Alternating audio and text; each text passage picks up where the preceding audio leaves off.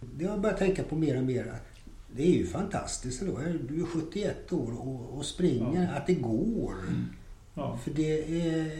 Jag tror, jag tror att det har hjälpt mig egentligen för jag har inte tagit det riktigt för givet alltså. Jag har varit tacksam att det har ja. Hur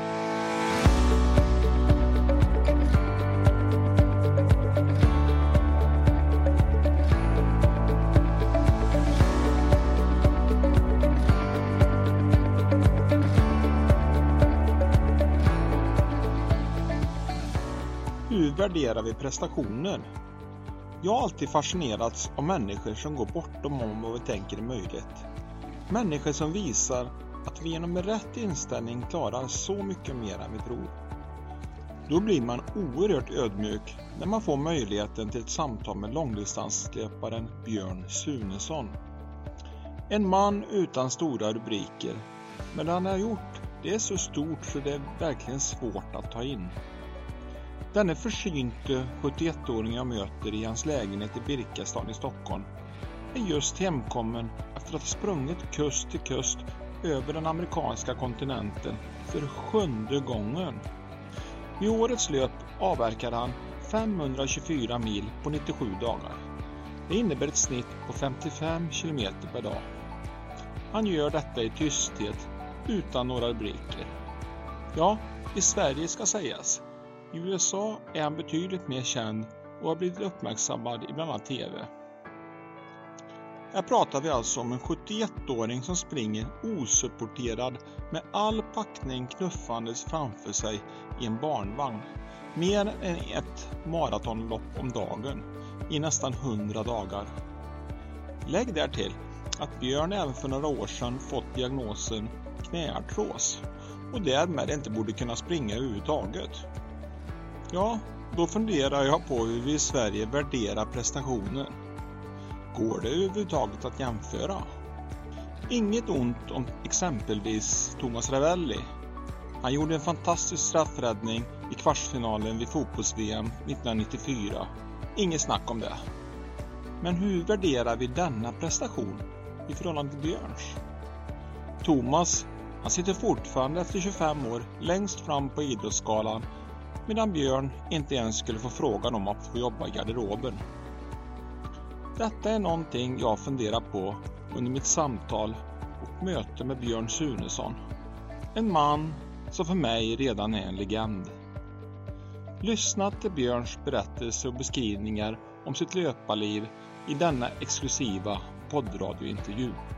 Men först vill jag presentera Bättre med årens samarbetspartner Selexir. Selexir är ett nytt svenskt kosttillskott som tagits fram i samarbete med Dr. Marcus Gittele, en specialistläkare från USA och en av landets främsta experter inom området anti-aging. Han har skrivit boken Growing Young som utifrån forskning beskriver vilka mekanismer som styr vårt åldrande och vilka fantastiska möjligheter vi faktiskt har att påverka detta. Det handlar i grunden om en medveten livsstil där rörelse, kost och återhämtning står i centrum. Men också hur vi kan tillföra kroppen vissa naturliga ämnen som motverkar åldrandeprocessen. Istället för att tillföra dessa ämnen separat har nu Selexir gjort det enkelt för oss genom att samla flera av de här ämnena i en och samma tablett. Genom vårt samarbete kan Bättre Måren erbjuda 33% rabatt på ett engångsköp och 15 på abonnemang. Är du intresserad av att prova så är det enkelt eftersom det inte finns några bindningstider eller andra förpliktelser. Köpet gör du på www.selexir.se genom att vid betalningen ange koden Bättre med åren i ett ord. Nu rullar vi bandet. Bättre med åren ger er Björn Sunesson.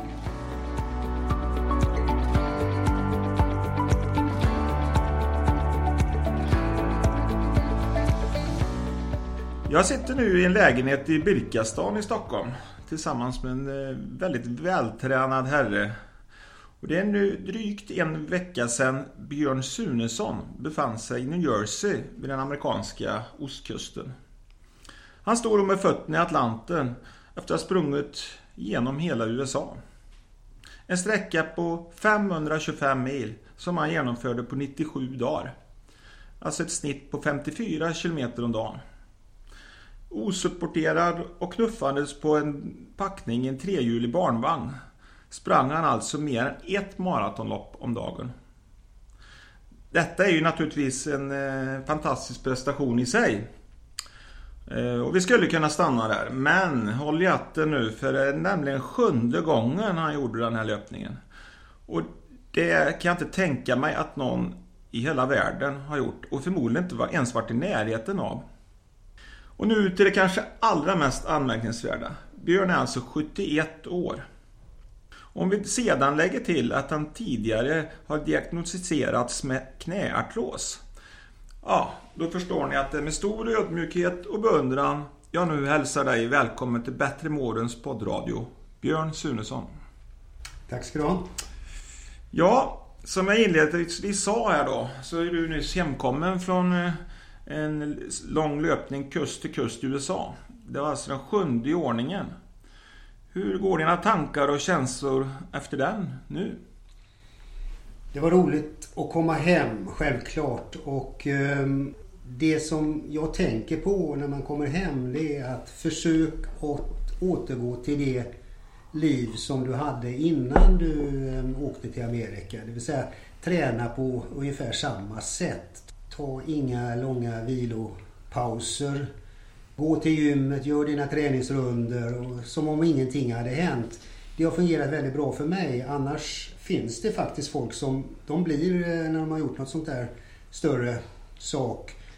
Eh, de kan bli deprimerade och eh, jag har aldrig haft några problem när jag har kommit hem. Nej. Inte känna någon tomhet eller? Nej, det har jag faktiskt inte gjort. Nej. Och det här med återhämtning då. Känner du dig sliten efter eller? Jag är inte mer sliten än när jag åkte iväg och eh, jag har ju roat mig med att mäta min vikt också och eh, jag väger samma som när jag åkte över. Mm. Men däremot ser jag nog lite mera sliten ut kanske för att eh, musklerna har väl fördelat sig annorlunda. Eh, man ser lite magrare ut kanske. Ja. Är det så att när man springer så långt så blir man, alltså kroppen anpassar sig så att du blir lite långsammare? Så är det ju. Och eh, jag har någon gång tävlat, kanske veckan efter jag kommit hem från ett sånt här kust, kust till kustlöp. Och då har det gjort kanske bland de sämsta maratontiderna. Mm. För att jag kan hålla då det tempo jag eh, har vant mig vid. Men minsta fartökning då blir jag trött. Mm. Och så att det kommer att ta, ta sin tid innan jag får tillbaka eh, den fart jag en gång har haft. Ja, just det. Det kanske blir lite mer fokus på intervaller och så här Så nu. kommer det bli. För att i år hade jag väl då eh, tänkt att göra en, en satsning också på på eh, få till en bra halvmaratontid och en bra maratontid i höst. Eh, så att det kommer bli... Jag kommer lägga om träningen eh, väldigt mycket och då är det också förknippat då med, med vissa risker, skaderisker. Mm. Jag förstår. Det här sista löpet, eller sista, det vet vi inte än, men det sjunde löpet då. Ja. hur, om du sammanfattar det bara väldigt kort, hur gick det? Det gick över förväntan. Alltså, jag var förvånad själv att det gick så bra. Eh, jag hade egentligen inga problem alls. Riskerna med allt sånt där, det är, är, är de två första veckorna kanske. Att du då, då finns risk för skada. Eh, men eh, när du väl har klarat det så brukar det gå vägen. Och jag har haft fruktansvärd tur också, det har jag haft. Mm. Men det kändes den här gången inte mer besvärligare än när jag gjorde mitt första löp och då var jag 59 år. Mm. Och hur kommer det sig då? Ja, jag är inte bättre löpare nu än när jag var 59 år. Jag är sämre. Men eh, jag är långsammare. Men uthålligheten verkar vara ungefär densamma. Och sen har jag då rutinen. Och den är guld värd alltså. För att varje dag handlar det egentligen om att försöka fixa någonting. Alltså du har ett problem eh, som måste lösas. Det kan vara att utrustningen är trasig eller något annat. Mm. Och eftersom eh, du ofta har haft de där problemen tidigare så är det mycket enklare allting. Mm. Problem säger du, är det en del av själva äventyret att det ska vara problem att lösa? Ja, det är det väl för att det är lite av sysselsättningen mm. egentligen. Och man kan undra då ibland, har du någon nytta av alla de här löpningarna och så? Och svaret är ja, för att eh, man blir bra på att ta itu med problem, praktiska problem, för det är ju det det är frågan om, eh, omedelbart va? och lösa dem. Och eh, det är så det är bra att göra även så att säga, hem, hemma vid. Va? Mm. Att inte gå och dra på någonting. Och mycket är ju psykologi. Eh, att även om du då inte lyckas lösa det där problemet men du har gjort allt för mm. att göra, lösa det. Så är du ju nöjd ändå. Ja. ja, vi kommer återkomma naturligtvis till dina kust-till-kust-äventyr. Men först skulle jag, jag är lite nyfiken på att höra vad, vad är det som driver dig till detta du gör? Ja, det är väl kanske den svåraste frågan mm. att svara på. Och eh, den får man ju då av eh, många man möter längs vägen också. Why? Ja. Och eh, jag kan egentligen inte riktigt svara på det men jag är väl en sån där ensam. Jag vill ofta göra saker själv. Ensamheten lockar lite. Även om jag då eh, har stor familj och eh, relativt social så att säga ändå. Va? Men jag gillar att vara ensam. Och det är ju löpningens natur att det är en ensam sport. Mm. Långdistanslöpning. Eh, men det som driver mig mera nu än tidigare när det gäller de här i alla fall USA-löpen det är att jag är mer intresserad av min omgivning. Människorna jag möter.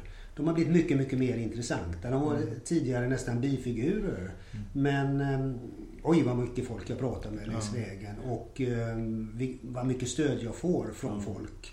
Och det kan man väl säga är drivkraften just när det gäller USA. Och just hur vänliga faktiskt människor är. Mm. Alltså. Mm. Söker du medveten kontakt så fort när du får chansen så här på till restauranger och... Eh, både ja och nej. Ja. Eh, de, de, eh, oftast så tar de ju kontakt med mig då kanske när jag sitter på något matställe. De har mm. sett min eh, babyjogger utanför där det står Coast to Coast mm. och undrar vad jag är för någon då. Mm. Och då ger det sig alltid själv. Men det som det är så väldigt lätt att få kontakt med, med, med folk. Eh, här skulle man nog i Sverige, i löparsammanhang är det, är det väldigt lätt att få kontakt också med folk i Sverige. Men, men skulle man börja prata med någon här ute på, på Tomtebogatan bara så betraktas man nog som en rätt udda figur alltså. Mm. Ja, som sagt vi återkommer till det här med kust och kust mm. Eh, man har ju ofta kategoriseringar av löpare. Att man är en maratonlöpare, man är en ultralöpare och så vidare. Du är ju, verkar vara lite av en allätare inom långdistanslöpning. Om du skulle sätta en etikett på dig själv, vad skulle du då säga att du är för en typ av löpare? Jag är en mängd, mängdgubbe. Alltså jag är en som springer ohyggligt mycket, många mil. Eh, jag kallar mig inte för ultralöpare för jag har knappt tävlat på ultradistans. Däremot tävlar jag då på maraton och halvmaraton. Så jag är även en maratonlöpare då, då. Men en maratonlöpare med väldigt mycket mängd och lite kvalitetsträning. Det kommer man ganska långt med. Men du kommer inte eh, till absoluta toppen. Så jag, är, jag kallar mig för en, en, en mängdgubbe och en som springer egentligen i princip varje dag. Jag, det har ju kommit det här som heter Runstreak och blivit ja. populärt. Och det skulle jag nog ha kunnat vara egentligen under 35 år. Men det har jag inte varit utan det är väl bara under fem år kanske jag har varit det. Mm. Ja. Ja. För du dagbok så då, ja, självklart. då vet du hur långt du har sprungit sen. Jajamensan. Och det är Ja, det skulle jag väl ha tagit reda på före den här intervjun. Jag, jag vet att. Det, det, är, det är väl en fyra fem varv eller något sånt där runt jorden. Ja. Jag kommer inte ihåg. Jag är dålig på siffror. Ja. Jag vet att Rune Larsson har sprungit något jordvarv mer än jag i alla fall. Ja, han Så är det. Han brukar säga att han har sprungit mer än halvvägs till månen. Okej, okay, ja. Men det kanske inte du... Ja, du kanske Det har jag inte gjort. Nej, nej. nej. Ja, han började å andra sidan när han var 16 då. Så att... Däremot så har jag då en, en svit kanske på, på fem, minst 15 år med minst 500 mil per år. Mm. Och något häromåret, något toppår på över 1000 mil per år. Mm. Och det är även när du mäter så att säga bland elitlöpare så är det, är det högt. Alltså. Mm. Om vi skulle ta och backa tillbaka lite då och din bakgrund här. Du är alltså 71 år, innebär att du är född 1948. Och vad jag förstår så växte du upp i Göteborg. Så är det, ja. Och um, i Göteborg har jag väl aldrig sprungit i min barndom. Eh, men det började faktiskt löpningen ändå i Göteborg. För att jag var i början på 80-talet eh, inkallad till repetitionstjänstgöring där på KA4 i Göteborg och eh, befälen hade väl problem att sysselsätta oss med något vettigt så, så vi blev utskickade i något motionsspår eh, där inne på kasernområdet och fick springa och jag kommer ihåg att jag skrev till min fru då att jag tror jag blivit joggare. Jag, jag märkte då att eh, det där passade mig bra och, och på den vägen är det. Mm. Bodde du kvar i Göteborg då eller hade du flyttat till Stockholm? Då, då, hade jag flyttat till Stockholm. Ja. ja. Och det var, var det journalistyrket som drog dig hit? Ja, eller? det var ja. det. det, var det. Mm. För du har varit journalist hela ditt liv? Ja, jag har varit ja. ja. I, små, I Småland, eh, på många småtidningar och uppe i Norrland. Mm. Och sen eh, hade nog velat komma till Göteborg men eh, jag fick inget jobb där så det mm. blev Stockholm. Är Göteborg fortfarande hemma? Lite ja. ja. Jag är med i... Jag började med Majornas IK, en idrottsklubb där och tävlat för dem under många år. Och nu är jag med i två klubbar och tävlar för en Stockholmsklubb som heter Vallentuna mm. friidrottsklubb. Mm.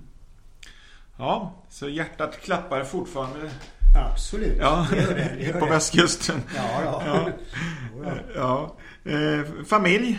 Ja, jag är då gift eh, med Sofia heter hon och eh, journalist. Eh, vi har råkat arbeta på samma tidning men var, vi har fem barn, inga bor hemma. Nu bor jag här i en stor bostad mitt inne i stan. Ja. Ja, och när jag hör detta då undrar jag, alltså idag är det mycket det här att få ihop sitt livspussel och så vidare. Ja. Och då har du alltså Jobbar din fru heltid också? Ja. Och du jobbade heltid. Ni hade fem barn. Och... Ja, det var helt fantastiskt att hon, jag först nu senare tid jag tänkt på när jag var då och gjorde mitt första USA-löp så hade hon ju fem barn att ta hand om under hundra dagar alltså. eh, medan jag var roade med det. Ja, ja. men jag menar även daglig i vardagen hemma ja. då med de Ja, det är flera timmars träning om dagen då. Ja, men jag hade nog... Jag hade en väldigt bra, bra arbetsgivare tycker jag. Ehm, på det sättet först tyckte jag om mitt arbete men eh, en arbetsgivare som då förstod att jag förstod mitt löparintresse. Så att eh, jag fick, och det är jag väldigt glad över, att jag fick under de senaste sista tio åren där på, på, på Svenska Dagbladet som jag arbetar på en liten löneförmån. Jag var inte så liten faktiskt. Den var guld värd för mig. Eh, jag fick rätten att eh, när det gick eh, en timma extra lunchtid. Mm. Så jag hade i praktiken en och en halv, två timmar lunchtid. Vilket jag utnyttjade för löpning alltså. Och jag under tio års tid kanske då. Det var där jag byggde upp den här stora milmängden och så. La grunden till den egentligen. Eh, jag sprang alltså varje dag till jobbet. Jag, under lunchtid då så kunde jag ta ofta en halvmara, klämde jag en halvmara. Eh, sen sprang jag då tillbaka och eh, hem igen efter arbetets slut. Så att jag hade alltså, jag hade alltså tre, tränings, tre träningstillfällen un, varje dag under under veckan då. Mm. Det, blev ju, det blev ju väldigt mycket mil alltså. Ja. Och varierad träning. Så jag fick ju den gratis tycker jag. Ja, utan att familjen egentligen ja. märkte av det då. Absolut. Det är ju oerhört smart egentligen. Oerhört smart. Ja. Så att mitt råd eh, ofta då har du möjlighet att kunna få för att det dessutom var det ju en skattef skattefri förmån mm. också. Mm. Jag behöll ju min lön men... Eh, ja, frihet under ansvar. Frihet under ansvar, ja. precis ja. Mm. Så att det skulle väl vara rådet att den som är löparintresserad, se om det går att kanske få någon extra tid för, för löpning då eller något mm. annat så. Mm. Och det, det levererar man säkert tillbaka till arbetsgivaren? Jag tror det. Jag ja. tror det. Det var ingen som sa någonting och jag tror att de fick, fick nog lika mycket eh, artiklar och så vidare ändå. Det gick ju då också, det var ju ungefär i samband då när, när mobiltelefonerna kom mm. också. För ofta handlade det om att vara nåbar. Va? Och jag sprang ju med en mobiltelefon alltid. Så jag kunde ju då ta mig till kontoret rätt snabbt. Om jag inte var ute på Lidingö ja. och sprang. För det hände. Ja, ja apropå det då. Jag, jag ser ju här du, hur du bor här. Du bor ju väldigt centralt. Och, ja. och eh, jag vet inte, Ja, det också, men det har inte varit något hinder för dig tycker Nej, det här, här bor jag väl nästan vid eh, Sveriges löparautostrada kan man väl säga. Mm. Alltså Kungsholmen då. Mm. Kungsholmen runt, eh, springer mycket. Mm. Väldigt mycket joggare här och det är gott om cykelbanor och... Eh, så det är ingen nackdel. Nej. Är det om man, om man är terränglöpare då möjligtvis?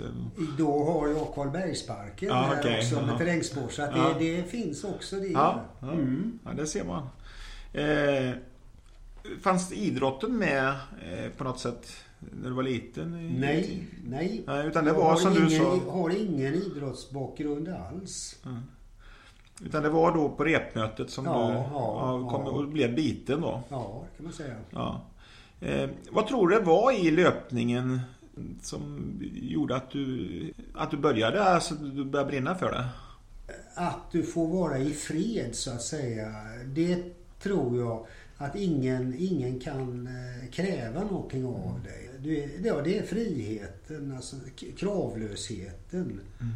Och ensamheten och eh, fascinationen av att att det är möjligt. Alltså, mm. det, det fascinerar mig fortfarande att det är möjligt att springa så långt och att man kan träna sig i princip till vad som helst. Mm. Hade du en fallenhet för det? Så ja, säga? det tror jag mm. nog. Eh, just det här idogheten mm. alltså. Det, det skulle väl vara fallenhet. För ja, för mycket sitter i huvudet kan jag mm. tänka mig. Ja, ja. förmodligen. Ja. Ja. Är du en tävlingsmänniska? Ja och nej.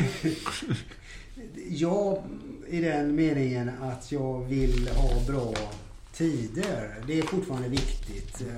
Jag vill vara bland de bättre i min åldersklass. Ja. Alltså. Och det, det, har väl varit, lyckats vara då under 10-15 år kanske bland de två, tre bästa på långdistans i min åldersgrupp.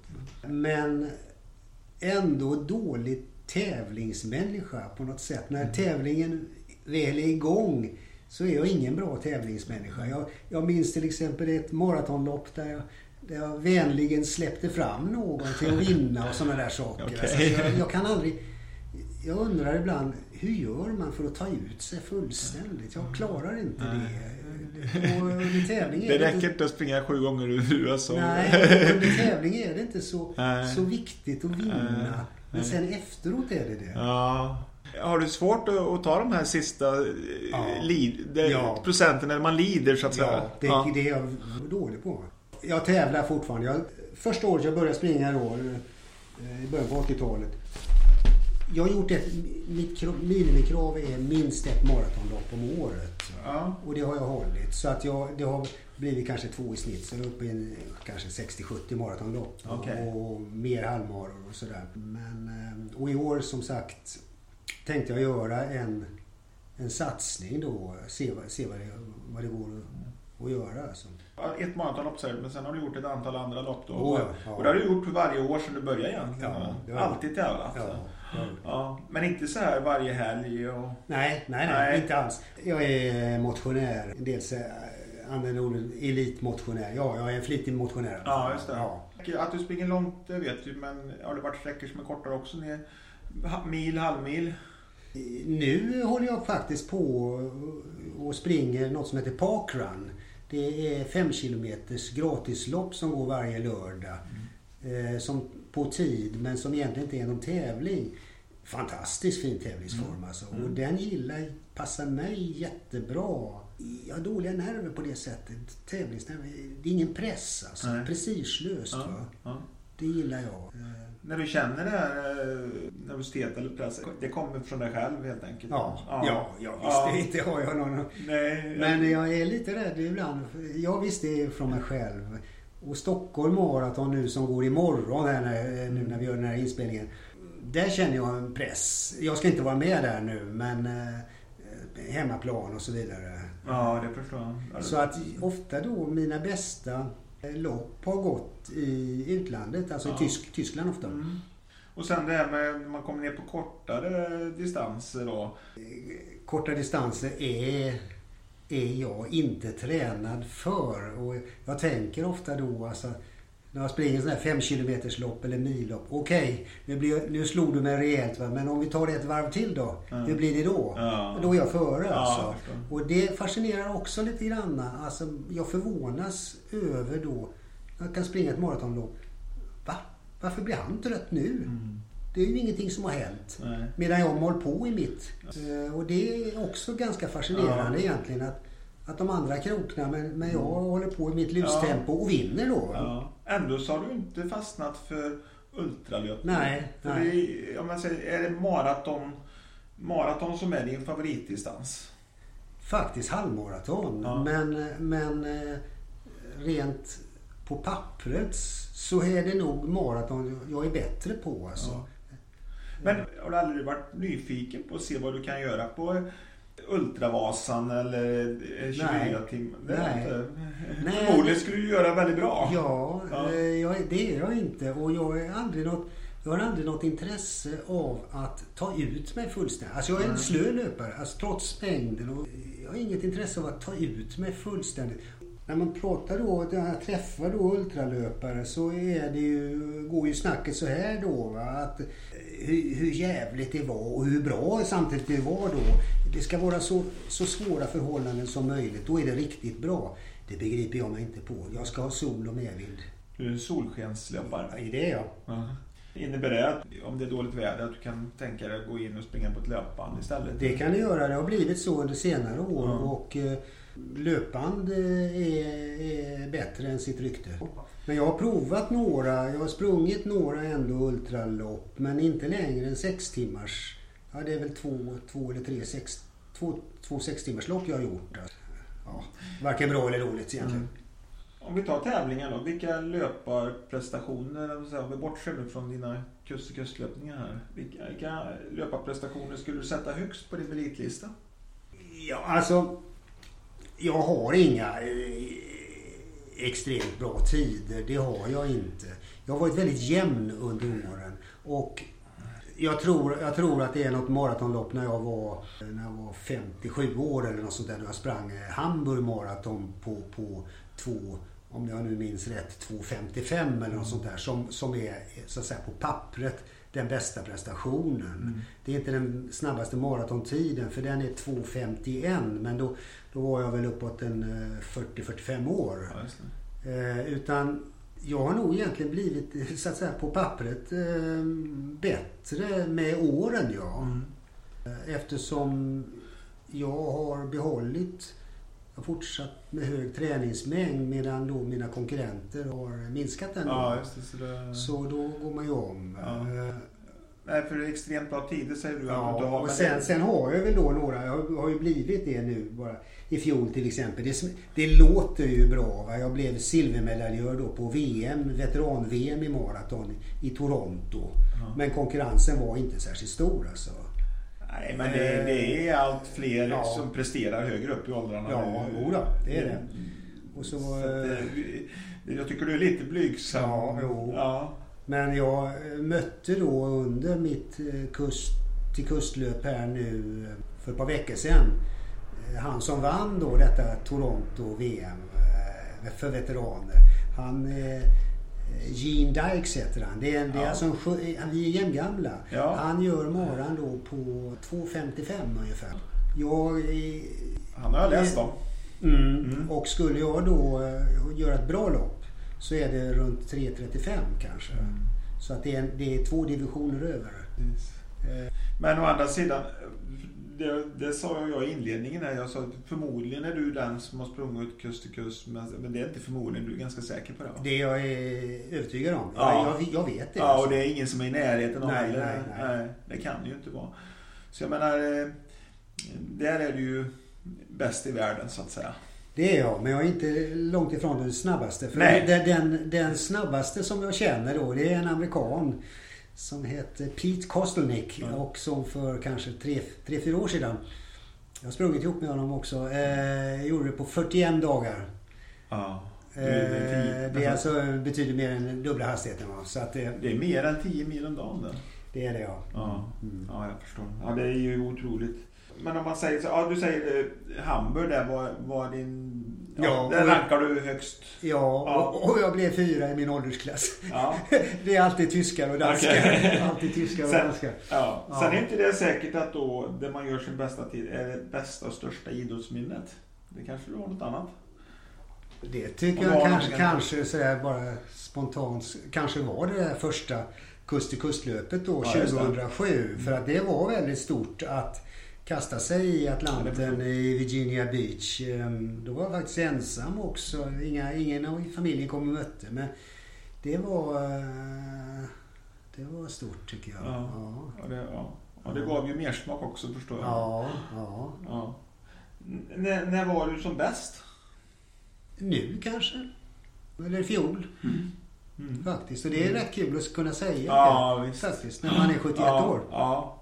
Och det hoppas jag kan inspirera många ja, äldre faktiskt. Ja, att sluta ja. aldrig springa nej, nej, nej, eller rör på det. Nej. nej. Ja, det är jättebra. Mm. Det, det pratas, idag pratas det mycket om det här man ska ha tydliga målsättningar och så vidare. Har du, har du haft en, en tydlig målsättning med ditt? Eller har det gått på passion och glädje? Och... Det har jag väl inte haft någon sån där tydlig... Men det har varit mer att Spring mer eller mindre varenda dag. Alltså, ja. Gör någonting varje dag. Och, och sen det, det är ju rätt kul egentligen för att det är så mycket man har gjort i livet som man då inte haft någon målsättning med. Men som visade sig då vara bra. Va? Till exempel då när vi började med, med långdistanslöpning eh, på 80-talet. Det var ingen som, ingen som talade om hälsoeffekter egentligen mm. då. Alls. Sen visade det sig då att det var ju det som egentligen var grejen. Mm. Alltså. Mm. Vi förstod inte det de flesta. Nej.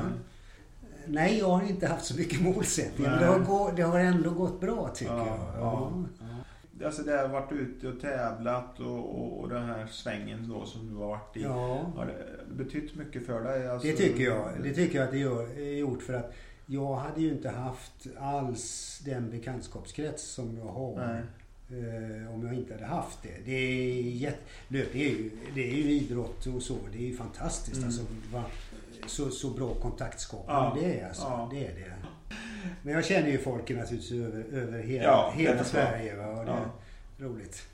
Har din familj varit involverad mycket eller har de inte, stått utanför det här? Inte alls du, utan eh, de har väl... Eh, de kommer och ser när jag springer Stockholm Marathon och sånt där. Va? Men och sen har då, mm, när jag då har avslutat de här USA-löpen så har jag bjudit familjen att komma, barnen att komma mm. över.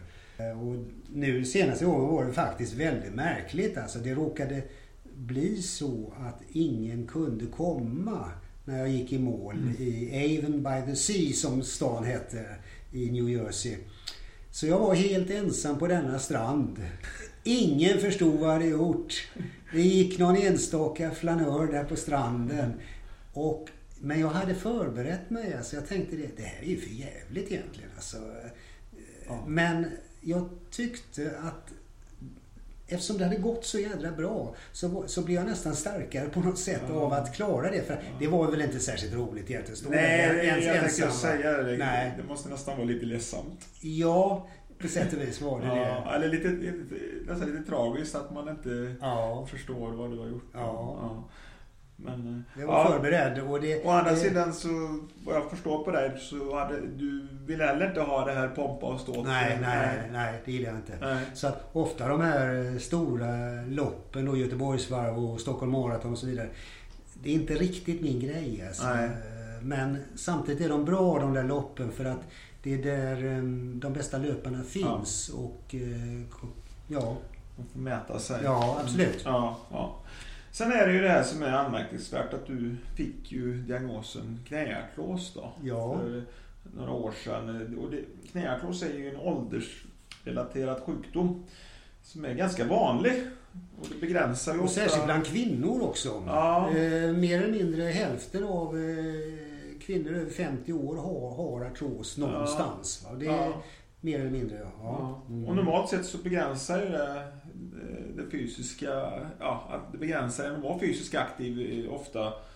Men eh, det, det, här låter ju nästan som en mirakel då, Björn. Men det här har inte stoppat dig utan Nej, du har ändå och... kunnat fortsätta utan besvär egentligen, eller? Ja. Kan du och det, jag tycker nog att det är ett mirakel egentligen. Det var sju år sedan så fick jag den där diagnosen efter en magnetröntgen. Inte den svåraste artrosen, i ett, ett knä var det. Läkaren som är mycket, mycket kompetent, en löparläkare. Han bedömde väl då, ja, kanske 50-50 möjligtvis. Och, eh, men jag skulle nog tvingas kanske att ta något smärtstillande när jag sprang. Jag hade turen att komma till, som jag tror är en väldigt... Eh, han rådde mig då att kontakta en sjukgymnast som jag tror är väldigt kunnig på det hela. Och jag fick ett träningsprogram som gick ut på att eh, stärka musk alla muskler som går till knäleden. Och jag var träningsvillig och tränade vid det tillfället så kunde jag egentligen knappt. Jag kunde gå men jag, jag kunde inte springa. Och jag satt i de här, det hette benpress, det hette bencurl och vad är det? Lårcurl hette det visst ja. Och, och bensträck och benpress. Mm. Jag hade egentligen tre maskiner vanliga på gym. Och jag tränade dagligen mer eller mindre. Tunga vikter, två repetitioner. Höll på länge. Och jag tror att det var det som gjorde att jag kom tillbaka och det tog väl något halvår, ett år så var besvären borta. Och jag har efter detta gjort tre stycken löpningar då över Amerika och inte ens haft en enda känning.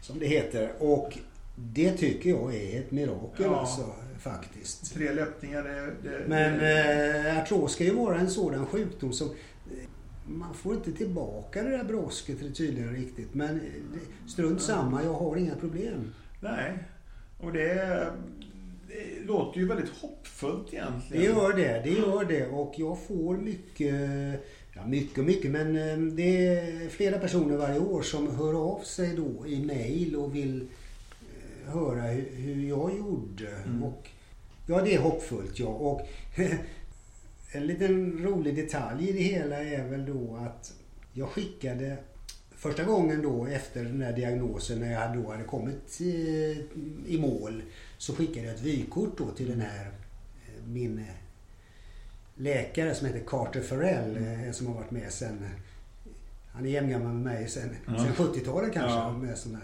och eh, berättade då att nu har din gamla artrospatient um, nått målet och det gick bra. Det kanske kan vara något och tala om för dina andra. Och sen hade min fru något, eh, besökte honom i något annat ärende. Och då, när, de förstod, när han förstod att hon var gift med mig, så gick han tillbaka och hämtade det där vykortet och visade henne och sa att det här brukar jag visa mina patienter. Ja. Och så, så den här Frell, han har nu alltså fått tre vykort från mig. Ja. Så det är hoppfullt. Ja, ja, ja verkligen. Så att, Eh, det kanske är så att man kan ta kontakt med dig om man... Det kan man göra. Ja. Det kan man absolut dela, göra. Dela gärna med dig av eh, ja, då. dina... Eh, du har ju naturligtvis en fantastisk löparkarriär då, men nu kommer vi in på det då som utmärker det alldeles extra och det är naturligtvis den här kust-till-kust-löpningen. Många har ju kanske sin dröm att åka bil kust till kust. Ja. Den springer du alltså och du har gjort det sju gånger.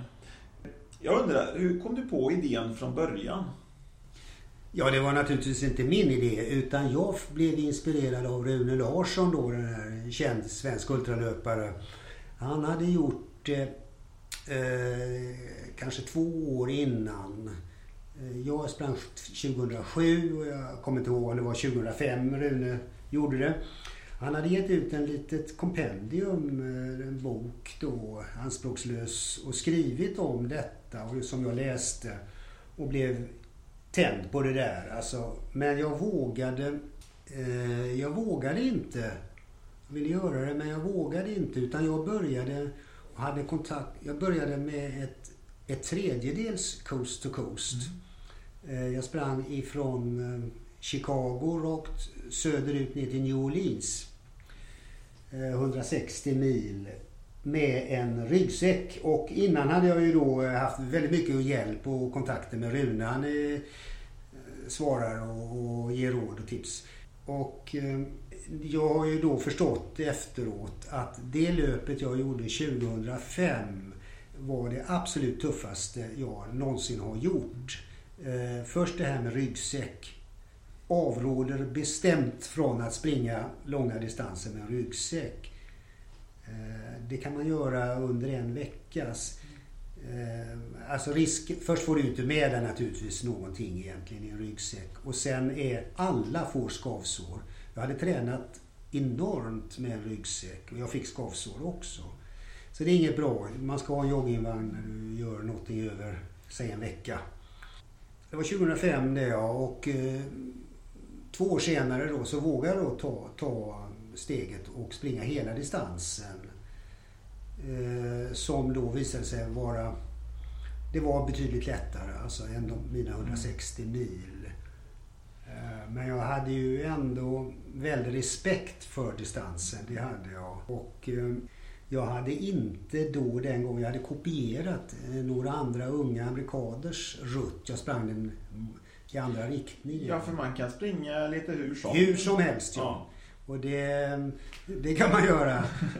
om du inte då ska ha några, så att säga, inofficiella rekord. Alltså Guinness rekord ja. är det frågan om då. För då, då är det mellan Los Angeles eller, eller du startar i Los Angeles eller i San Francisco och springer till New York, stadshuset mm. i New York. Men, men, vad är det då som styr dina, så att säga, din rött, hur den blir? Ja, ja alltså detta med att nu första gången så, så kopierade jag en annans rutt ja, då. Ja. Och de var väl ungefär jämngoda med mig de där löparna så att det var bra. Det var hyggliga distanser ja. då. Och men, man vet att det ligger boende ja. mellan dem och så vidare. Ja. Det är alltså att göra en rutt. Det, det, sitter man ju hemma vid datorn och använder Google Maps gör jag då. Är roligt men det tar ju en evig tid. Det, det, det är en månads arbete. Dag för dag alltså. Det, som är det svåra är, är att hitta boende. Ja. Jag, bor ju, jag har ju bott alla... Jag har ju inte kampat i princip någonting. Alltså. Och hitta då, och eftersom min idealdistans är runt 5 mil, 5-6 mil. Att hitta då eh, motell. Mm. Det är jättesvårt. Ja, det förstår jag. Det måste vara väldigt ödsligt ja, ja. Eh, vissa områden. Och... Så det tar tid och, och det, det, det är så också att det rent av, det finns inte boende så. Nu har det blivit lite enklare för nu, nu, nu, ehm, nu har det ju kommit till Airbnb också som har räddat mig ibland. Alltså mm. privatpersoner ja, som, där du kan bo. Men hur gör jag då om jag inte vill kampa? Nu till exempel här senaste gången, bara en vecka efter start från Los Angeles så kom jag till ehm, på gränsen mot Arizona, en stad i Kalifornien som heter 29 Palms. Till gränsen där är det 10 mil ren öken. Finns inte någonting emellan. Hur gör jag då? Där fick jag då hjälp med, med bilkörning. Alltså på så sätt att jag hade en bekant som... Jag sprang mina 5-6 mil. Ja. Och någon kom ut och hämtade mig. Körde mig tillbaka till motellet. Eh, och eh, dagen därpå körde ut mig igen. Ja, tillsammans ställde det. Eh, det där hade Rune Larsson aldrig accepterat alltså. Och jag höll ganska tyst på bloggen också om det. Jag, det, det finns sådana där som då tycker att det där är fusk alltså. Mm. Det, Eftersom det här är ingen tävling. Det är jag som bestämmer ja, reglerna. Det är distansen som är det viktiga mm. för mig. För man kan ju ändå inte springa hela vägen antar Du har ju broar och du har kanske sträckor som du inte får springa. Det kan vara så ja. men det, det är, jag har nog sprungit över broar och så. Ja. så mm. att jag, man kan tekniskt så att säga lösa det där. Nu hade jag en bekant här nu, det var avtalat i förväg men eh, det var ju många, det var ju på flera ställen det var sådär att det var mm. för långt mellan hotellen. Mm. Och då, det vanligaste var väl att jag gjorde som så då att, säg att det var sju mil mellan hotellen. Att jag sprang tre och en halv mil, vände själv och sprang tillbaka. Mm. Och sen på orten där försökte få någon till att köra ut mig de sju milen. Eh, om det nu var det. Ja. Och det där, det tar sin tid alltså. Ja. Och eh, de flesta som gör sådana här nu är det inte så många som gör, springer eller går. Det, det vet vi också ganska bra hur många det är. Det handlar om 10 personer kanske på sin höjd år, varje år. Som gör kust till kust? Ja, ja och mm. de flesta är löpare. Mm. Och de här, nej, gångare. Gång, ah. mm. Och de som springer då har väl då fyra och fem en följebil. Så att jag har made it the hard way alltså. Mm. Och Men... de här med följebil då de har ju just det här med boendet, ja. all planering runt. Men... Så jag vågar påstå, och det är lite stöddigt när jag säger alltså, att de som har följebil, de har bara gjort halva jobbet. Men du har ju sprungit sju gånger, då säger du 100 dagar. Det du pratar väl 700 nätter ungefär? Ja. Ingen av de nätterna har alltså varit under bar himmel eller? Eh, kanske fem, sex. Okej. Okay. Ja. Men inte nu under senaste. Nej. Nej. Men då innebär det att du har planerat varje dag? Ja. Du vet precis? Det vet jag exakt. Ja. Och en idealisk dag är när sträckan är fem och en halv mil. Jag har ett restaurang på två, två och en halv mil ungefär. I mitten ungefär. Det är en idealisk dag. Ja. Och eh, gärna på interstate, det vill säga motorväg. Ja. Alltså springa på motorväg? Ja. Okej. Okay. Vad är fördelen med det? Den här gången gjorde jag inte det, för det passade inte. Men tidigare löp har jag sprungit nästan halva sträckan mm. på motorväg. Eh, fördelen är de breda vägrenarna. Det är säkert. Ja, just det. Eh, det är inte så mycket trafik. Du har eh, motellen längs Interstate. Mm. Det är fördelen. Och en annan fördel är att um, Interstate går, är inte lika backigt. Alltså det är mer rullande. Eh, svaga stigningar upp och mm, ner. Mm, mm. Medan en parallellväg då går upp och ner mycket mer mm. jobbigare. Det är inte så viktigt därför att det ska vara fina omgivningar. Att det ska alldeles vara... riktigt uppfattat. alldeles, alldeles riktigt upp. Det är, naturligtvis är det bättre om det är vackert. Va? Men det är inte så viktigt. Utan det är avverka milerna. Ja. ja. Det är det. Du är en, lite som en maskin då? Ja, mm. det är riktigt. Det kan ju se fruktansvärt tråkigt ut. Alltså du, du ser... Nu kommer jag inte ihåg hur långt man kan se egentligen i fjärran men det är väl uppåt en mil eller något. Men det spelar inte så väldigt stor roll att, att du ser att hur långt det är. För du har hela tiden tittar jag på den här, en liten GPS jag har på kärran, att jag förflyttar mig. Mm. Det är det som är grejen. Alltså, ja. Jag ser att jag är i rörelse. Ja. Man måste hinna tänka väldigt mycket. Nej. Det gör du inte? nej. Nej. Nej, du tänker mera när du sitter hemma.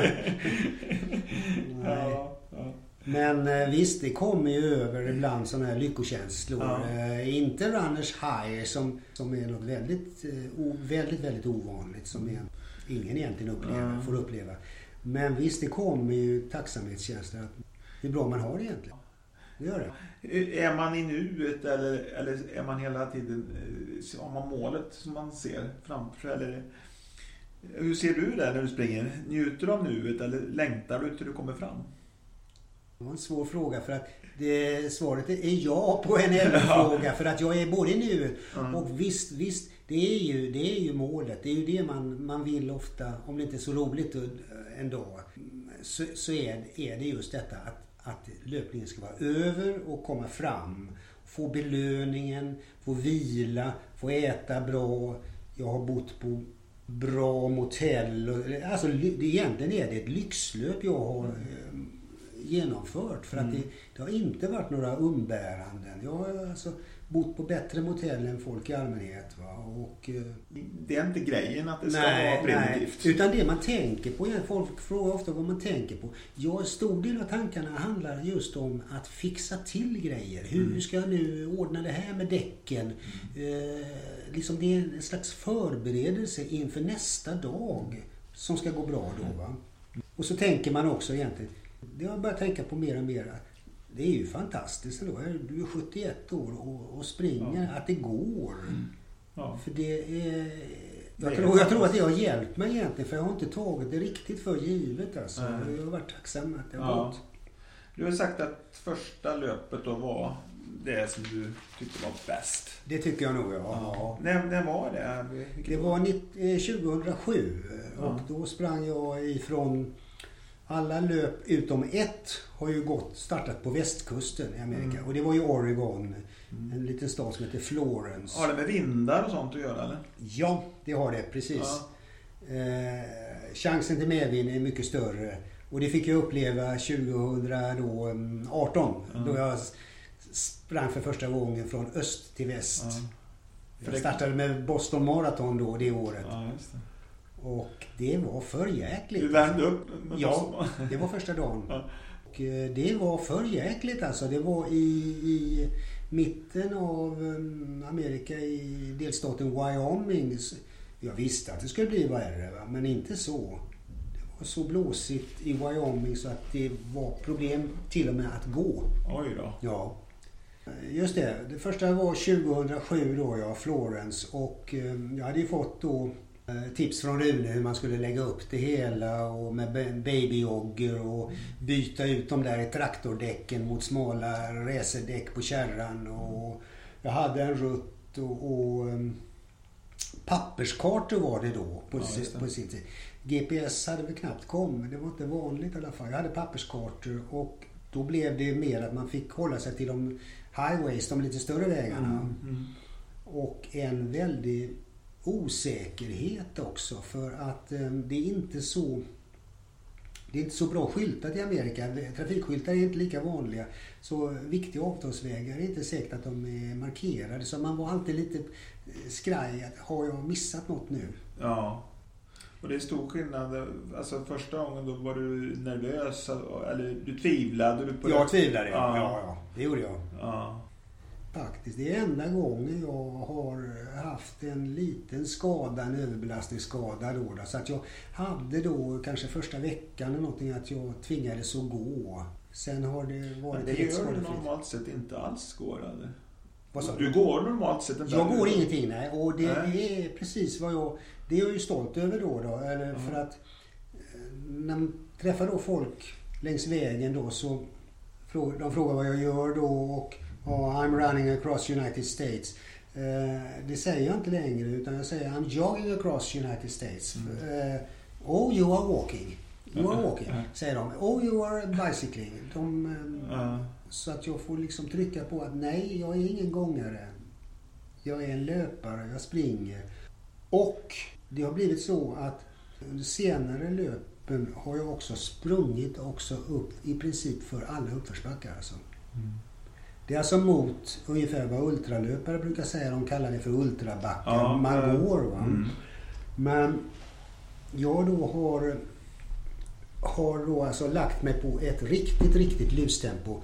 Eh, precis över, lite fortare än vad du kan gå. Det, det har gett två vinster då. Först har du väl, ja, har kommit lite längre då på, på kortare tid. Va? Men Sen har det också gett en viss självtillfredsställelse att mm. faktiskt att du har sprungit upp för den här ja. backen som var ett par kilometer lång. Ja. Hur många timmar springer du per dag? Alltså när börjar du springa och hur mycket och när du slutar och hur mycket är effektiv löpning av det? Mm. Um, jag börjar före nio. Men jag tycker att det är alldeles för sent jag börjar. Rune Larsson då som är min, min förebild han, han kunde ju gå upp klockan fem på morgonen och springa. Ja, alltså. ja, ja. Mm. Men jag börjar, det har jag som skamgräns 9. Mm. För om vi, tar, vi kan ta en dag, det ja. kul att göra. En dag eh, kan väl se ut så här ungefär att jag vaknar sju, halv åtta. Jag har då eh, egentligen förberett allting. Jag vet vart jag ska springa. Allt, allt. Det är i princip bara att ta på sig kläder och allting är klart. Va? Eh, jag äter, jag bor på bra motell då i regel och äter väldigt mycket till frukost. Lagad mat. Varm mat alltså.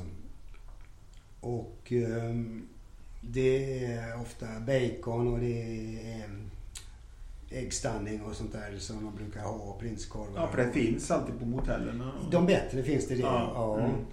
Uh, sen fräck som jag är då, då så, så, brukar jag knycka med mig lite grejer också. Så att jag har alltid reservproviant alltså, mm.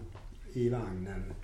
Jag börjar då springa strax före nio då, då och ehm, um, ser fram emot första stoppet som är då ett, ett lunchstopp eh, förhoppningsvis. Jag håller, jag går inte någonting i början heller utan jag börjar, kör på direkt alltså och um, gör väldigt få, få stopp alltså, utan springer i, i kontinuerligt egentligen. Men i exakt samma tempo. Jag ser hastigheten på min GPS och hastigheten är inte hög utan den ligger runt 9 km i timmen. Det är alltså under, som man säger, 6 minuters tempo. Mm. Men jag tror att det är rätt för mig. Hela tiden lite lockelse av det här lunchstoppet då ja. och, och när man väl kommer fram där så tar jag det väldigt långt. Eh, äter mycket mycket alltså. Mm. Eh, och varannan gång kanske jag försöker ta sån här powernap alltså. Mm. Och eh, de har visat sig väldigt effektiva. Antingen går jag ut från restaurangen eller annars ska jag mig i något hörn. Eh, mm. Lite osynligt. Och eh, sover då. Jag somnar ju direkt alltså. Eh, sätter klockor, väckarklocka då, eller min armbandsklocka där då.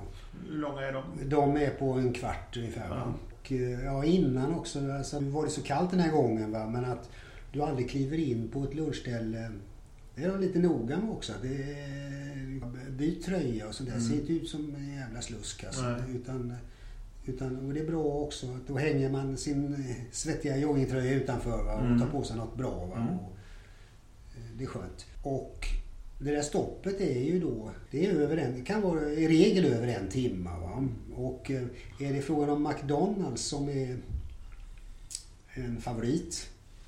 Eh, mycket för att de har bra wifi där. Så kan det ta sin tid. tar det sin tid. Och, ja, sen tänker jag, du säger att du äter mycket på lunch. Behöver du väl så att säga, det är väl svårt att börja springa direkt.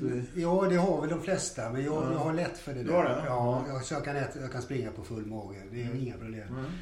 Och eh, sen börjar ju då löpningen. Och då andra, det brukar bara fungera så att om första halvan har gått bra så går andra halvan mindre bra. Mm. Eller tvärtom. Sällan att det är en dag där allt flyter på med löpningen, att det går väldigt bra. Mm. Och andra halvan går ju långsammare. Eh, och tar alla tillfällen till att stanna när det finns historical market som det står. Alltså historiska eh, platser där det har hänt något. Alltså jag mm. stannar vid alla sådana här skyltar och läser. Mm. Det tycker jag är kul ja. att göra. Så att jag är ju turist. Jag är, det, är, det är turistande jag ja. turistlöpning och tar alla tillfällen till att och, och, um, prata med folk längs vägen. Och andra halvan brukar ofta vara eh, rena kafferepet. Mm. Alltså, eh, alla bensinstationer, många bensinstationer, jag stannar till och tar en kaffe vet du, ja. eller en glass ja. eller något sånt där. Va? Småstopp. Ja. Och det är inga problem att komma igång efter nej, nej, nej. Utan jag tänker ju då, det här är jag ska, ha, jag ska njuta och ha kul alltså. Ja. Och, eh, det har blivit mer det där eh, fik, fiken ja. andra halvan. Och sen eh, kommer ju då ibland, när man närmar sig detta motell då. Så, jag kommer alltid fram före, före mörkrets inbrott mm. alltså. Men innan då man når det här motellet så har man ju massa tankar. Och då, då börjar lyckokänslor komma då. Man ser framför sig eh, all, all mat och, ja. och vila och fint och så vidare. Eh, och den här GPSen som jag har med mig, jag har en handhållen sån här bil, bil-GPS med lösa batterier. Den, den talar ju om då vilka restauranger som kan förväntas finnas där också. Ja. Då börjar man ju fantisera kring dem där då. Och så Ja. Så att det är ju alltid kul. Ja. Det måste ju gå åt mycket vätska. Ja, det, hur, hur, hur, gör du med vätska? Har du det i, i din vagn då eller? Ja, det har jag. Och eh, det här nu, senaste löpet var, alltså det var väldigt kallt. Mm. Det var inte var inte mycket vätska alls utan det kunde man bara ha i några flaskor, några liter. Det går åt eh, sådana här varma dagar över 10 liter. Mm. Men då får du stanna varje gång för då ska du i vattnet och... Eh, ja, det, det, då har man det i flaskor eller en kran där på dunken. Det, det tar ingen tid. Ja. Och det, vätskan, det som jag dricker, jag går på Gatorade till, 100, äh, nej, till 75 procent. Mm. Och lite Coca-Cola. Ja. Inte vatten. Nej. Ja, så du får i dig socker ja. så att säga. Så du frågar då om en dag alltså. Den mm. är så att säga från start till mål så är det um, i regel 10 timmar. Alltså. Och sen hur mycket detta är löpning, det vet jag inte riktigt. Nej, men det är minus lunchstoppet i princip och ja. så några kaffestopp då. Så det dumma, med, alltså det dumma med att um, komma fram sent är ju då att till den här stan då, som mm. ofta är, uh, allt är ju om det skulle finnas något att titta på där som turist, alltså museer eller vad det nu kan mm. vara, så är det stängt. Ja. Eh, hade jag startat tidigt så hade det varit öppet. Mm. Och jag får också, det dumma med det här är att jag får värmen. Eh, mm. det blir ju varmare ju, ju, senare på kvällen så att det är som värst vid, vid 6-7 tiden kanske. Mm. mm. Nu var det inte den här gången för det var fruktansvärt kallt. Alltså. Men det är tufft. Ja. Och så hur ser kvällen ut då? Det, det första jag gör när jag kommer fram till motellet, det är att äta omedelbart. Eller snabb dusch och äta direkt mm. alltså. Det handlar mycket om att förbereda morgondagen ja. alltså. Eh, och bloggandet. Jag har ju en blogg då. Eh, jag skriver varje dag. Och, eh, det tar mycket längre tid än... Det tar för lång tid egentligen. Mm. Det, det, kan ta flera timmar. Alltså. Ja, för det gör du på telefonen också då? För du har inte en dator? Nej, nej jag har en dator med mig. Det har du, ja. ja. Uh, och jag bloggar varje dag och eftersom jag är gammal journalist också tycker jag det är roligt och, och jag tycker det är roligt att skriva. Och det här bloggandet har väl blivit mera så att jag, jag skriver egentligen inte så mycket försöker inte skriva så mycket om själva löpdagen och vad som har hänt. Och då gjorde jag det och då gjorde jag det och, och, det var fem mil hit och dit. Nej. Fullständigt ointressant om du har läst det många gånger. Utan jag skriver mera om eh, företeelser i Amerika. Vad som eh, skiljer USA från Sverige. Och, eh, och det tror jag, det verkar så. Jag har väldigt mycket läsare på denna blogg. Um, verkar intressera folk. Men det tar sin tid. Ja, jag förstår. Vädret då? Hur påverkar det? Ja, mycket. Ja, för det kan svänga rätt mycket. Det, det är ganska, kan vara extremt väder i USA. Ja, ja på det är många det. olika sätt. Ja, på många olika sätt.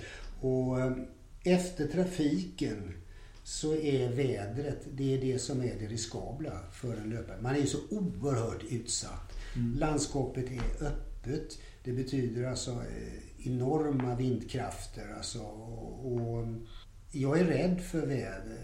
Det, det är alltså väder som du, vi inte upplever här i Sverige. Och jag har ju varit med om då det allra värsta. Det är tornado. Ja. Jag har varit inne i en tornado till, till, och med. Så att um, det är hemskt. Ja, det förstår jag. Eh, ja. Hur gick det, höll jag på att säga? Ja, det, det, jag sitter ju här. Ja, det gör det. Jag sitter ju här. Men, men, men, i den tornadon så var det väl någon som strök med också faktiskt. Ja. Det var väl kanske under löp nummer tre. Jag, kom, jag blandar ihop dem. I South Dakota, eh, mitt ute på landsbygden. Eh, jag hade slarvat, alltså inte, inte lyssnat på väderrapporten. Det gör jag nu alltid ja. innan jag springer iväg.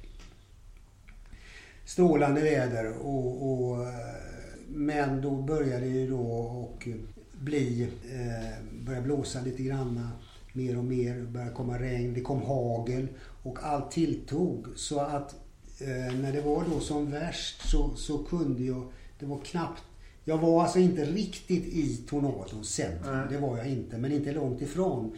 Det var knappt att jag kunde stå upp alltså när jag höll i vagnen. Mm. Eh, en landsväg, eh, lite mindre. Och jag hade bara min jogging, bara ben. Jag hade fått på mig min joggingjacka och hagel då. Det brukar ofta vara hagel. Eh, jag fick skydda huvudet från haglet. Och det kom någon enstaka bil. Och till sist, ja! Där stannade en. Och då var det såna här tornadospanare som var ute och fotograferade då tornadon. Och de hade datorer inne i bilen och kunde se mm. exakt vad den...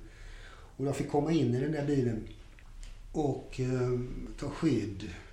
Och, eh, bara 50 eh, minuter senare så kommer solen, fåglarna kvittrar och allt är som normalt och jag fortsätter att springa. Eh, det är alltså sådana enorma skiftningar. Mm. Eh, men det skrämde och jag har även en annan gång eh, fått ta skydd för tornado ja. också. Men det räcker bara med, med blixtoväder som är ja. hemska. Så vädret och trafiken skulle du vilja säga? Trafiken är det värsta faktiskt. Ja. Och Den, den skrämmer mig mer och mer. Alltså. Och jag har mm. nog inte riktigt insett riskerna med det där. Och det gör att jag tvekar lite om det kan bli mm. något liknande mm. senare. Mm. Det är ett under att jag inte ja. har blivit påkörd eller någonting. Alltså. Nej, För det är en del som, det, det finns folk som har ja. omkommit faktiskt. Ja. Annars är det ju så här, man tänker så här faror med att springa ut så då ska man kanske tänka på djur eller konstiga människor. Och... Ja, jo, jo, jo, absolut. Ja. Eh, men, men jag har aldrig jag har haft problem med folk heller. För är du ute så är det ju, förstår väl de flesta kanske då, att man förstår om det är knepiga typer och då, då, då ja. drar man sig sakta ja. undan. Ja, precis. Jag, jag funderar på en sak. Du har blivit USA varje ja. år. Du har liksom aldrig funderat på att liksom variera det eller se andra delar av världen? Eller varför är det just USA som du har fastnat för? Det är människorna. Det är människorna? Det, är människorna, ja. ja. Hur, hur, de är. Och naturen. naturen. Ja. Och det är ändå... Det är rätt enkelt alltså. Det är, språket är inga problem. Men visst, ja, jag har eh, gjort långa löp i Europa också. Eh, men inte så mycket. Nej. Vad är det med människorna? Att de är så um, uppmuntrande. De, de ber för dig. De, de vill ge dig saker. Eh, de gillar galningar.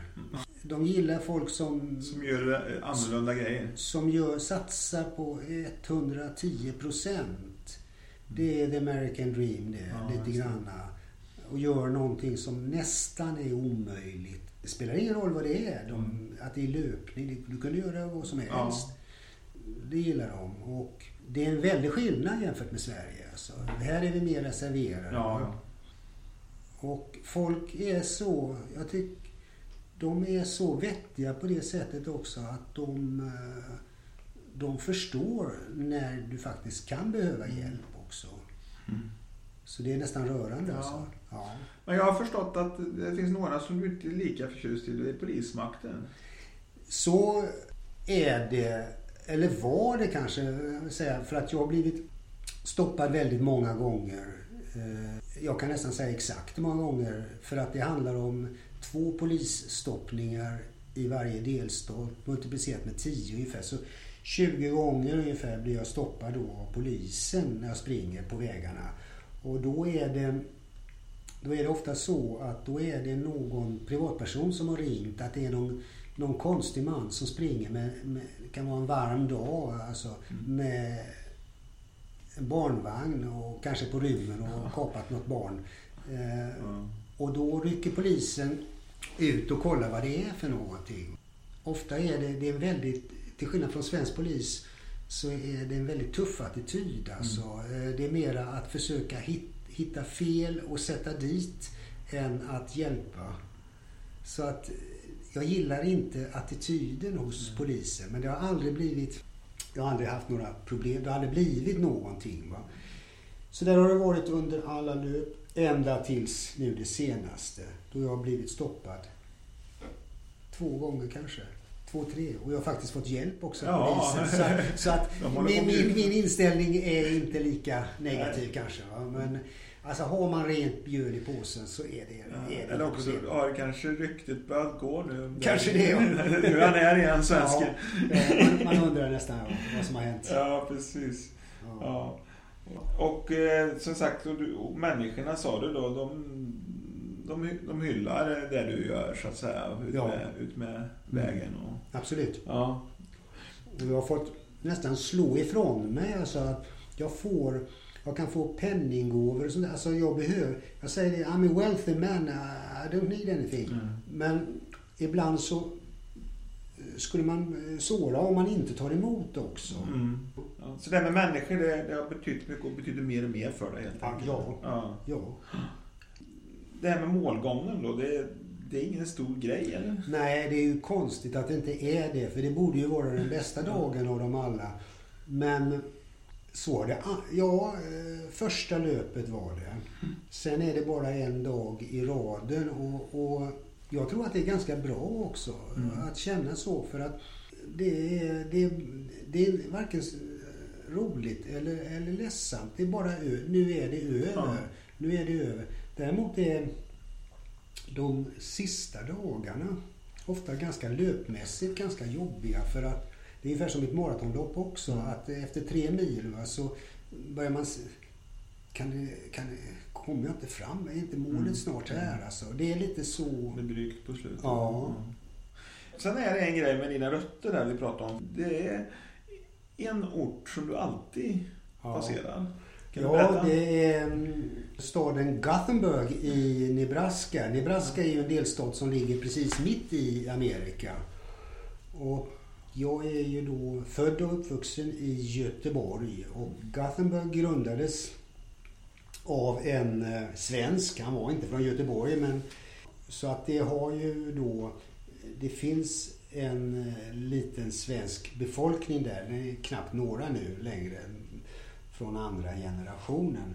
Men jag råkade första gången så eh, av en händelse så passerade jag Gothenburg och förstod då det här sambandet med och träffade då eh, några människor också eh, som jag nu är bekant med. Och jag har under alla de här sju löpen då har min rutt gått genom Gothenburg. Och eh, jag har då träffat folk från, inte som är direkta utvandrare, för de är borta nu då, men, men andra generationen svenskar som, de är alltså födda i Amerika men de var födda, ja, och som nu är då uppåt 90 år. Mm. Men som kan, vars föräldrar då pratade svenska, som kan prata svenska. Det är ju fantastiskt. Ja, ja, ja. Men de är nu, de kommer att vara borta om några år alltså. Mm.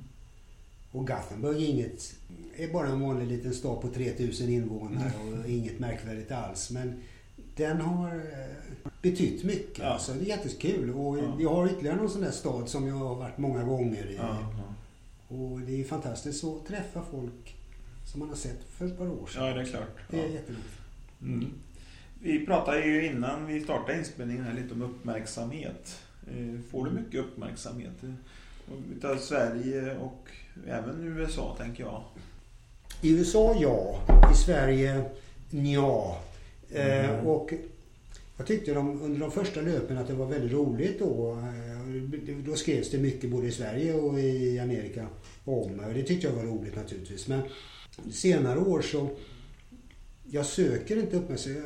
Jag, jag säger inte nej till, till, om någon vill göra en intervju och så vidare. Men jag, jag, jag begär inte heller att mm. tidningar och, och TV ska skriva om mig. Det, det ger mig ingenting extra. Så um, fått mer uppmärksamhet i Amerika än vad jag fått i Sverige. Mm. Så är det. Mm. Mm. Det är väl lite halvkändis i de där kretsarna ja, också, ja. i löparkretsar i Amerika. Mm, mm. Eh, ja, den här frågan har du fått säkert, blir en åttonde gång? Jag har ju varje gång jag avslutar sån här löp så har jag sagt nej. Mm. Att det blir inte det. Och jag vet inte. Nej. Jag vet inte men... Inga planer i alla fall? Nej, och det har jag väl aldrig haft direkt efteråt. Nej. Men nej, jag, jag, kan inte svara på det. Nej, men det är inga andra äventyr utan... Det skulle kunna bli något i Europa också. Ja, ja visst. jo, ja, ja, ja. Jag tänkte på, om vi kommer in lite på det här med träning. Nu är det mycket, vi pratade om det förut, det med livspusslet och det där. Man vill gärna ha, och, och även det här, det har blivit lite quick fix-tänk. Eh, och det har ju också gjort då att det här med korta, hårda träningspass har blivit eh, populärt på gym och så vidare. Mm. Eh, som intervallträning då. Men det har ju inte varit din melodi. Då, det har varit distansträning som du har byggt upp det på. Ja, det har det varit. Och det är väl det som har gjort också att um, många mil långsamt det har väl lett till att jag nästan aldrig varit skadad och det, är, det tycker jag är, rätt anmärkningsvärt. Det, det, det är ju en följd av detta men det är rätt ovanligt i alla fall. Mm. Att under då 36-37 års tid med mycket löpning nästan aldrig varit skadad. Nej. Och när man träffar då löparkamrater så är de ju skadade, om inte varje så vartannat år i alla mm. fall. Mm. Kortare, inte så allvarliga men de råkar jag inte ut för. Nej. Tränar du några alternativ? Alltså... Ja. ja.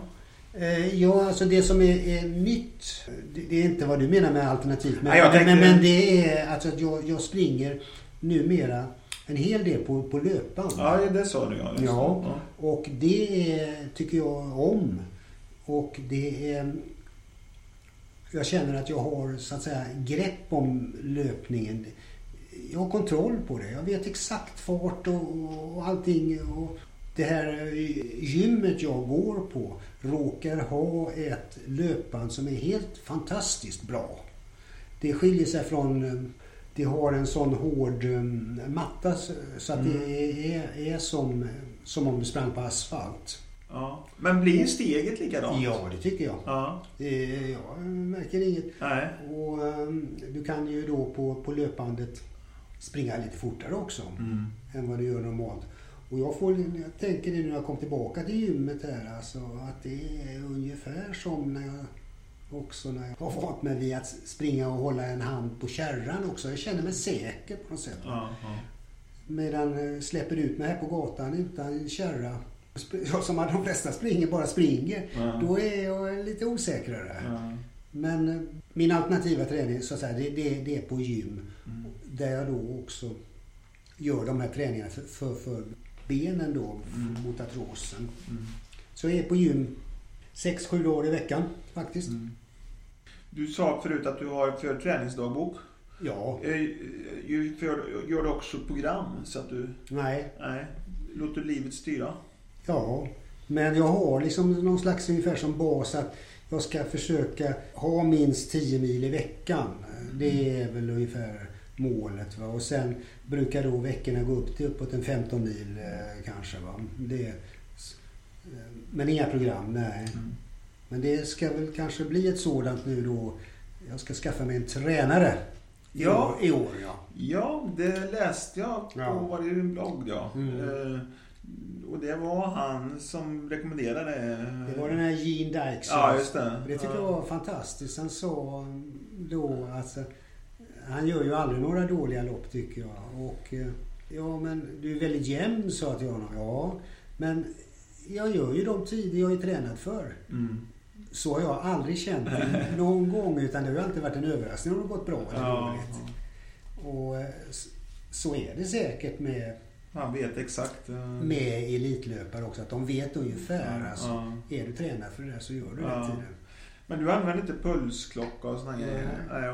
Men är du, känner du din kropp så pass att du kan säga nu springer jag i den här farten? Nej, det gör jag nog inte. Det. Nej. Nej. När man blir äldre då? Det här med att man kanske ofta har itutade i oss att vi vi, vi ska vara liksom lite försiktiga med att ta i och sen när vi blir äldre. Nej, jag tror inte att det är så stor skillnad i träning för äldre som, som de flesta hävdar. Alltså. Men, men eh, startsträckan för om du ska börja som gammal är säkert längre. Mm. Så att, att det då krävs en försiktighet, mm. självklart alltså. Ja. Men jag som då har sprungit i halva mitt liv behöver inte vara mer försiktig än, än den som bara är, är 30 år. Alltså. Utan, men som med all träning, skynda långsamt, små förändringar. Mm. Däremot tycker jag det är intressant, så att först nu under senare tid tänkt på de här alla pensionärer jag ser på gymmet. Vad är det de flesta gör där på gymmet? De sitter i de här redskapen, maskinerna som jag då tränar i. Så det är bra med det. De mm. alltså tränar alltså inte kondition. Nej. De, de, tränar, de tränar sina muskler. Ja. Och det, jag tycker faktiskt att där borde man tänka om. Alltså. De borde, även om de inte springer, så för tusan upp på de här eh, crosstrainer så att du får upp lite puls. Alltså. Mm. Eh, det gör de fel alltså. Ja. Nej, för jag tror man behöver, man behöver både styrketräning och ja. pulshöjande ja. träning. Ja. Men det är, det är svårt för många äldre att, mm. att... Och det behöver som sagt vara... Löpning är, är, är, kan vara ett stort steg om du aldrig har sprungit. Mm. Men att ställa sig på en sån där crosstrainer eller en cykel, trampa cykel mm. eller vad det nu är. Mm. Jag hävdar ju då i det här bättre mål då att eller jag, jag hävdar inte, ja. utan det är ju alla studier, allting tyder på att man har en biologisk klocka så att säga. Så att, som tickar egentligen långsammare om man, om man har en bra livsstil. Och i bra ja. livsstil så ligger ju rörelse. Ju, Absolut, ja. ja. Känner du, eller tror du, eller upplever du dig själv som yngre än dina jämnåriga så att säga? Ja, det gör jag. Ja. Det gör jag nog ja. Jag har inte tänkt, tänkt direkt Nej, men, men det, det, det, gör jag. Det tycker jag gör ja. Sen däremot synen eh, på äldre och idrottande. Jag håller inte med om den då. Alltså att folk ofta inte förstår alltså, att det finns många bra veteranlöpare. Och um, skulle jag säga då att jag är 70, 71 år och om jag gör under tre timmar, då förstår nog de flesta att han är jävligt bra. Mm. Men säg att jag gör då, är 71 år och, och gör 3.45 på morgonen och sådär. Ja, det var väl inget märkvärdigt. Mm. Tycker den då som är 35 år mm. som, som kanske slog mig med någon minut. Va? Medan jag ligger skyhögt över då den här 35-åringen eh, i, i prestation. Ja, och just det där alltså att eh, folk ofta inte fattar mm. hur bra resultat Nej, äldre presterar. Och därför är, är de här, som jag sa, de här parkrunloppen ja. som inte är tävlingar väldigt trevliga också för att då räknar de om de här resultaten också. Mm. Det är inte bara att du får en tid utan du får också en procentsats. Alltså det åldersomräknas. Mm. Alltså, det är lite komplicerat att tala om hur det fungerar. Men, men då får du en, en, en siffra där som visar då att okej, okay, jag sprang på mina, jag sprang på 23 och 23 och 30, mina fem kilometer. Men eh, den där killen som sprang, som var 20 år och som sprang på, på 19, ja det vet jag inte om det var 19 minuter. Jag var ju faktiskt bättre än han. Mm. Mm. Så då kan man se det i den där ja. Och det, jag tycker det hade varit rätt kul om en del större lopp, Stockholm Marathon och så vidare, räknade ja. om de där resultat. Ja. Gjorde en särskild liten kolumn. Ja, jag förstår. Och inte bara tävlar, inte bara mm. jämför i åldersklassen. Ja. Men det är ju så att eh, i de här uthållighetssporterna så kan, har det visat sig att man kan prestera längre upp i åren än man har trott. Och att de blir fler och fler som gör det också. Så är det ju. Ja. Så, är, så är det ju. Men, men just det här med åldersomräkning har ingenting med, med att prestera utan det är ju att jämföra, nej, nej, nej, jämföra sig med, ja, ja. med sin egen ålder, den bästa i världen. Då, då. Mm. Jämför du dig hellre med andra eller med, mot dig själv? Dina egna? Hur, hur Ja, det gör jag. Jag, jag, jag, jag vill jämföra mig med andra, ja. ja. Mot andra, ja. Ja, ja, ja. ja du sa ju förut att du var lite tävlingsmänniska. Ja, ja. Hur länge kommer du hålla på? Tills jag, jag skulle tro det, säger jag idag då, då tills jag stupar i spåret. Ja. Det tror jag. Mm. Det, det, är ditt liv så att mm. säga. Om du skulle ge några råd då till de som, det är många som säger, som har ambition att börja träna. Eh, särskilt på nyår och sådär. Mm. Men de har svårt att komma igång. Har du några råd för liksom hur man kan komma igång och träna? Snack, snacka inte så mycket utan bara, bara gör. Just do it. Ja, och, och gärna faktiskt inte, inte det. Jag gillar inte det här liksom försiktigt. Nu är du gammal, nu ska du inte göra. Nu får du börja lite. Ja. Gör det varje dag alltså, men eh, snacka inte. Ja. Bara till sist, till sist så, är, så har du eh, övervunnit någon tröskel och ja. kan fortsätta. Så, ja. eh, gör det inte så märkvärdigt, men gärna ofta. Ofta, men in, kanske inte så, så mycket. Mm. Och lyssna på dig och det du har gjort så blir det väldigt svårt att hitta ursäkter. Ja, jag, alltså det, för mig är det ju då eh, nästan konstigt om jag inte skulle springa. Ja, ja. Men det behöver inte vara så jävla långt. Nej. Vilka tror du är de vanligaste misstagen som nybörjare gör? Ja, det är ju för mycket och för, för, för snabbt och man blir skadad och sen, mm. sen skyller man på det då, den där skadan och så vill man inte fortsätta kanske. Och, och, och folk har så jädra ont i knäna och de har ont i höften och så vidare. Jag tror det, det är bara vad jag tror. Alltså, mm. Att det är lite överdrivet också. Jag har varit en sån där som, jag har haft nog mina krämpor också. Men jag har ändå, jag har sprungit ändå alltså. Mm. Tills du förstår ungefär när du kan springa och inte kan springa. Mm. När det gör riktigt, riktigt mm. ont. Då, då, ska man inte hålla på. Nej. Men just att det där lilla, det kan man ignorera. Ja.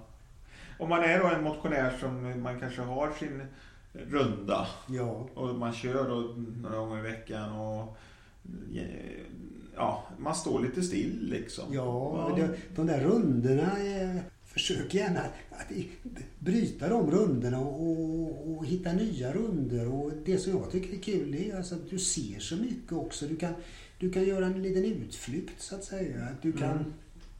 Du behöver inte ha din runda utan bor du i en tätort så kan du till exempel bara springa i ena riktningen och ta, ta eh, pendeltåg eller buss eller vad det nu är mm. hem också. Så att det, ja. det, går att variera så mycket. Jag har ju förstått på dig som att du kombinerar väldigt mycket ja. löpning med ska säga, utflykter. Utflykter ja. ja. Mm. Och... Jag springer väldigt mycket. Jag, jag, springer ju nästan enbart nu med, det är ju lite konstigt, men jag springer med joggingvagn ja. också. Det gör att du kan springa och handla och sånt handla, där. Ja. Jag köper julgranar och, ja, ja, ja. allt. Ja, och, det, du använder det ja. lösningen i vardagen. Som, som en bil ungefär. Ja. Ja. Ja. ja du Björn, det här eh, tiden börjar rinna iväg ordentligt här men det har varit väldigt eh, spännande att få prata med dig. Men jag tror det är dags att börja runda av här. Eh, ja. Och jag tänkte vi skulle göra en liten grej här det sista. Där du får som heter hiss eller diss då. Ja. Hiss eller dissa och gärna med lite argument då. Eh, och vissa av de här kanske redan du har svarat på men vi kör dem ändå, jag har fem stycken här. Eh, det första är, då säger jag springa på fastande mage. Hiss. Det är hiss? Ja. Ja. Fast det gjorde du inte i USA. Nej. Men annars Men det går ju bra. Ja. Men eh, däremot äta efter en träningsrunda, det ska man göra. Mm. Snabbt. Men du kan ta en kopp kaffe och så ut och springa? Ja. ja Okej, okay. Eh, då säger jag amerikaner. Det är hiss för att det är, det är väldigt eh, uppmuntran och så man får och hjälp. Skillnad från svenskar som är kanske lite mer avvaktande. Ja. Och det är också, som du sa, en av anledningarna till att du hela tiden återkommit. Ja. ja. Eh, då säger jag stretching. Diss. Mm. Det, har ju, det gör jag inte själv. Aldrig. Och eh, det finns vad jag har förstått eh, inga klara bevis för att det är bra. Inga klara bevis för att det är dåligt heller, men onödigt. Mm. Sociala medier? Det hiss. Det finns mycket bra och det finns mm. sånt som är mindre bra. Och det som jag tycker är en, en diss på när det gäller sånt där det är de här som Ja, jag är gammal journalist då, då så att man, jag tycker man ska kunna lita på det man läser, att det är riktigt. Alltså det finns eh, flera journalister som, som tar emot det kan vara löparkläder, klockor och så vidare och skriver positivt om, om sånt där. Eh, det ogillar jag starkt mm. alltså. Men eh, annars det här att, att, att, eh, koppla ihop människor och så är det det du ser som... Eh... Det är ju jättebra. Mm. Tänk så många sådana här olika löpningar man har varit med på. Någon på Facebook säger att nu ska vi göra det och det. Mm. Och man samlar. Det, är ju, det har ju förändrat löpningen mm. väldigt mycket. Mm. Så det, det, är bra. Ja, mycket, mycket man bra. Kan följa. Mm. Är, är, är det någonting som eh, du stimuleras av det här att du vet att du, folk följer dig när du gör dina äventyr? Min egen blogg har betytt mycket ja. för mig själv. Ja. ja. Att, eh, folk är ju så väldigt snälla på, ja. på det också. Och det, det är bra. Mm. Ja. ja, sista då, då säger jag vilodagar. Det är, är, är diss. Mm. Jag tror jag inte alls på. Um, om du är, det vill säga om du är vältränad uh, så behövs inte det. Utan jag under de här USA-löpen så har jag ju sprungit varje dag. Jag har inte tagit vilodag för att eh, jag tror att jag skulle bli stel. Och skulle, en dag skulle vara till skada. Två dagar kanske lite till nytta. Men skulle jag behövt vila eh, så hade jag ju till sist brutit samman så att säga. Jag har ju fått min återhämtning. Jag kan inte springa hundra dagar. Så jag tror mycket på det här, det som eh, kallas för run streak. Alltså att, att um, röra på dig och springa varje dag. Men det får ju vara med variation. Alltså, ena dagen mycket, nästa dag mindre. Mm. Mm. Du är ju i botten journalist, Björn. Och du skriver mycket om dina erfarenheter och upplevelser. Då, då, då ligger ju frågan inte speciellt långt borta. Om inte du har funderat på att skriva en bok. Det, blir, det är många som har bett mig att göra det och det blir ingen bok om, om mina löpningar till exempel i Amerika. För att Först, jag är lite rädd för att jag skulle inte klara det. Jag, jag kan skriva nyhetsartiklar och, och eh, protokoll och, mm. och sådant. Men jag kan inte skriva, jag är ingen författare. Nej, utan det, det, man... det, är, det är en annan genre och jag, jag vill inte utsätta... Jag har sett liksom lite exempel på sånt där där det inte har blivit så bra då och då. Att det är tro, jag, jag behärskar inte det mm. riktigt. Och sen undrar jag också, vem skulle vara intresserad av att läsa det där? Jag får väl säga det att mina bloggar då, jag har ju bloggat under alla mina sju löp i princip varje dag det får bli min bok så att säga. Ja. Men jag har läst också många andra löpare som har skrivit fina böcker. Mm. Men det finns mycket ja. som, som inte är så lyckat. Om du tittar tillbaka på ditt liv då, om du fick leva om det en gång till. Skulle du gjort någonting annorlunda? Om man tar löpning till exempel, har du funderat på vad, hur hade det varit om du hade börjat? Nej, jag hade nog... Jag tycker det var skönt och jag tycker det var bra att jag kom igång ganska sent ja. också. Jag har ingen längtan om att jag skulle hålla på med detta hela livet. Nej, jag... Nej, du är nöjd med ditt liv helt enkelt. Det är jag. Och det, det är väl eh, tack vare löpningen för att den har gjort förändrat mig på det sättet att jag har fått många bekanta och jag har blivit så att säga fått ett lite lugnare och fått ett självförtroende och mm. så. så mm. att det har gett mig väldigt mycket. Det har mm. mm. Ja, eh, om, om det är så att man vill följa dig då eller komma i kontakt med dig, hur, hur gör man då? Ja, jag har ju, jag har ju en blogg då. Nu, nu skriver jag ju bara kanske bara en gång i veckan. Ja. Och den heter? Eh, och den heter ju då mitt efternamn då www.sunesson då med ett S, SE. Sunesson mm. Och eh, jag skriver bara om löpning i största allmänhet. Kanske inte så väldigt mycket heller om mig själv. Utan, och det finns kontaktuppgifter så, så det mm. går bra. Ja. Är det någon fråga som jag har missat? Det är det säkert. Det är det säkert. Men de, de, de tar vi nästa år. Ja, jag skulle kunna sitta hur länge som helst. Men vi, ja. någon gång får vi runda av det. Ja. Är det någonting du skulle vilja skicka med till något budskap? Just do it. Just do it. Mycket bra. Mm. Med de orden så tackar jag dig Björn Sjunesson för ett fantastiskt trevligt samtal. Tack så mycket. här